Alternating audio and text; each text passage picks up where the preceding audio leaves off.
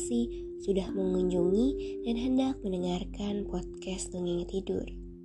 Aku Irene Vita.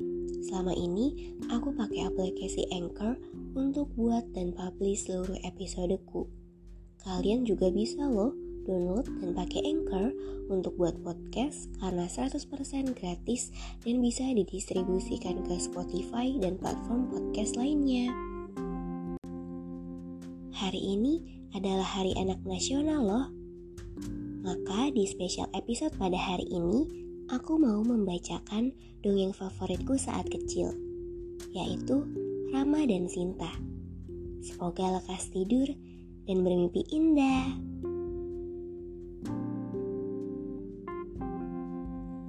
Pada zaman dahulu, ada dua kerajaan besar, yaitu Kerajaan Ayodhya dan Kerajaan Mantili.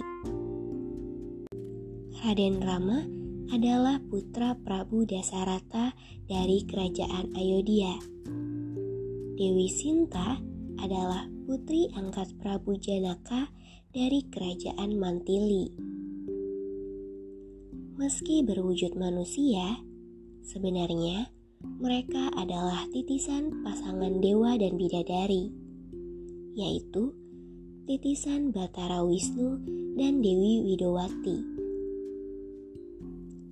Rama dan Sinta memiliki ketampanan dan kecantikan bak dewa dan dewi. Juga kebaikan hati yang dikenal seluruh pelosok desa. Suatu hari di kerajaan Ayodhya diadakan pertemuan agung Raja Prabu Desarata secara khusus mengundang putra sulungnya, Raden Rama. Di pertemuan itu, sang Prabu mengutus putranya untuk segera menikah dan mengikuti sayembara memperebutkan putri di kerajaan Mantili. Hal itu dikarenakan sudah waktunya bagi Raden Rama untuk menikah. Terlebih lagi, ia akan segera dinobatkan menjadi raja untuk menggantikan ayahandanya. Wahai putraku Rama, ikutilah sayembara memperebutkan Dewi Sinta, putri Prabu Janaka di Mantili. Barang siapa yang bisa membentangkan gandewa atau busur pusaka kerajaan Mantili, berhak mendapatkan putri itu. Sebab, menurut wangsit yang saya terima dari para dewa, barang siapa bisa mempersunting Dewi Sinta, hidupnya akan mulia. Ucap Prabu Dasarata. Wangsit adalah pesan gaib yang biasanya menjadi ilham atau petunjuk dari dewa. Maka berangkatlah Raden Rama ke Mantili.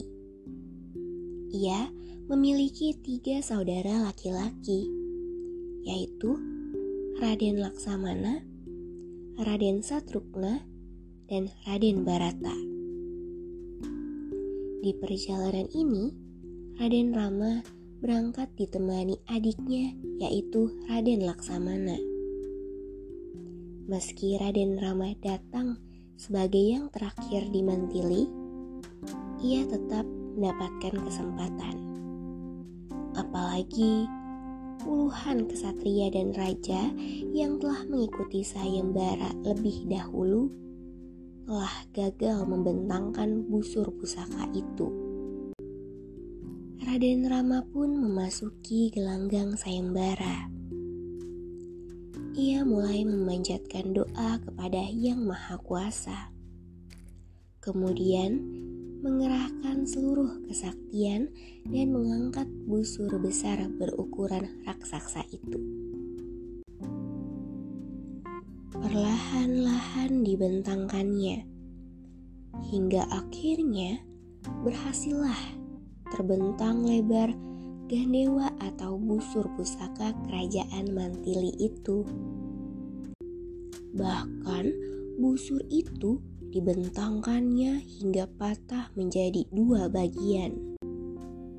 Dengan demikian, Raden Rama berhak mendapatkan dan mempersunting Dewi Sinta. Kemudian, pernikahan Raden Rama dan Dewi Sinta berlangsung sakral dan suci.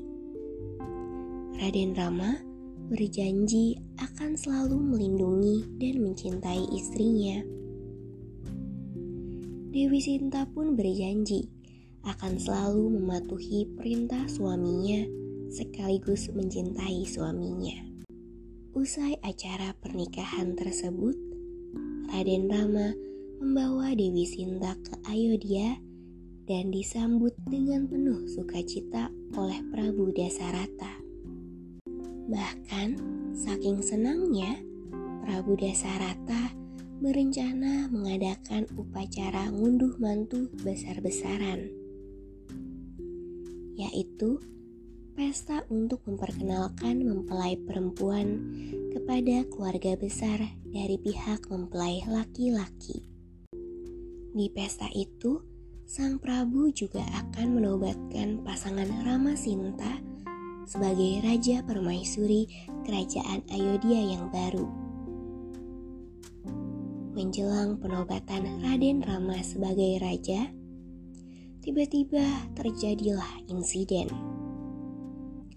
Dewi Kekayi, salah seorang istri Prabu Dasarata, memprotes penobatan tersebut Wahai Sang Prabu Dasarata, mengapa Rama yang akan dinobatkan menjadi raja? Apa Paduka lupa akan janji Paduka kepadaku dulu?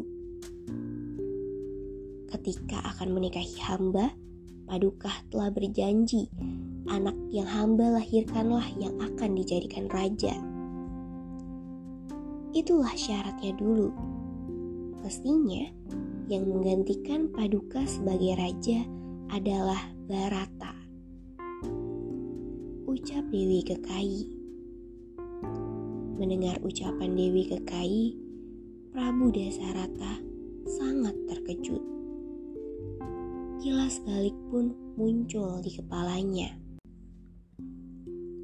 Oh, Dinda Dewi Kekayi, maafkan Kakanda yang kilap akan janji sendiri. Rama, ayahanda juga mohon maaf padamu. Sekarang, biarkanlah Barata, saudaramu yang menjadi raja. Oh dewa, betapa besar dosaku. Tiba-tiba, Prabu Dasarata terhuyung lalu jatuh tak berdaya. Penyakit jantungnya kambuh hingga tak tertolong lagi. Sang Prabu pun akhirnya meninggal karena tak kuat menanggung rasa dosa dan malu yang berlebihan. Setelah jasad Prabu Dasarata dikubur, Raden Barata pun dinobatkan menjadi raja. Sebenarnya, Raden Barata pun tidak menghendakinya. Ia menginginkan Rama yang tetap menjadi raja. Namun, karena desakan Dewi Kekayi, Barata pun terpaksa menuruti keinginan ibunya itu. Walau putranya sudah menjadi raja, Dewi Kekayi tetaplah tidak tenang. Ia takut Rama akan mengambil tahta Raden Barata sewaktu-waktu. Akhirnya, Dewi Kekayi mengusir Rama dan Sinta. Selama 14 tahun, mereka tidak boleh kembali ke Ayodhya. Sehingga Rama dan Sinta pun menjalani kehidupan rumah tangga mereka di hutan Dandaka. Mereka pergi diikuti oleh Laksamana, adik Rama yang paling setia. Rama dan Laksamana menanggalkan pakaian kesatria dan menyamar sebagai rakyat jelata. Meski kini harus menjalani hidup penuh derita, Sinta tetap setia mendampingi suaminya karena menurutnya kebahagiaannya adalah sebagaimana suaminya bahagia. Begitu pula dengan Rama. Ia selalu berupaya membuat istrinya bahagia. Rasa cinta kasih mereka tak bisa diukur dengan harta maupun jabatan. Di sisi lain, ada Prabu Desa Muka atau yang lebih dikenal sebagai Rahwana, sang Raja Alengka. Ia menginginkan Dewi Sinta menjadi istrinya karena ia menganggap Sinta sebagai titisan Dewi Widowati yang selama ini diimpikannya. Maka selama perjalanan Rama, Sinta, dan Laksamana yang sedang melintasi hutan Dandaka, Prabu Dasamuka atau Rahwana terus mengintai mereka untuk menunggu waktu yang tepat menculik Sinta. Dengan siasatnya, Rahwana mengubah seorang hambanya bernama Marica menjadi kijang emas untuk memancing Rama pergi berburu kijang jadi-jadian itu. Sehingga ia akan makin menjauh dari Sinta.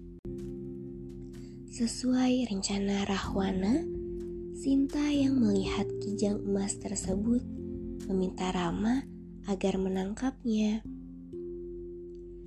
Rama pun berlari mengejar kijang emas itu.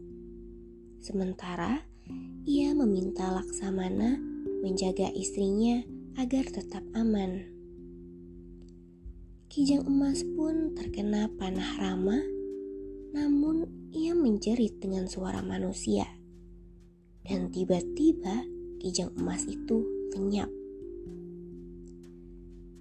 Sinta mengira yang menjerit adalah Rama yang meminta tolong. Sinta yang khawatir pada suaminya segera menyuruh Laksamana untuk membantunya.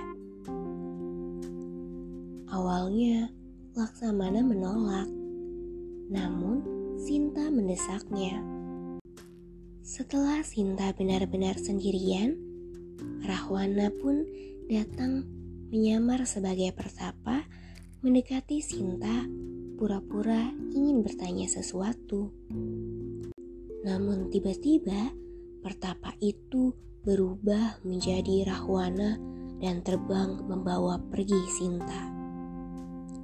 Suara jeritan Sinta terdengar oleh burung Jatayu, sahabat ayah Rama.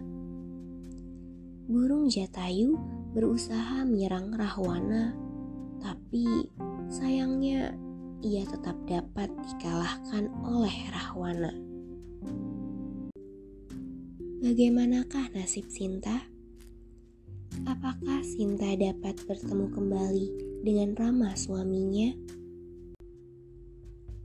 Bagaimana cara Rama menyelamatkan istrinya yang telah diculik oleh Rahwana, sang raksasa berkepala sepuluh yang sangat kuat?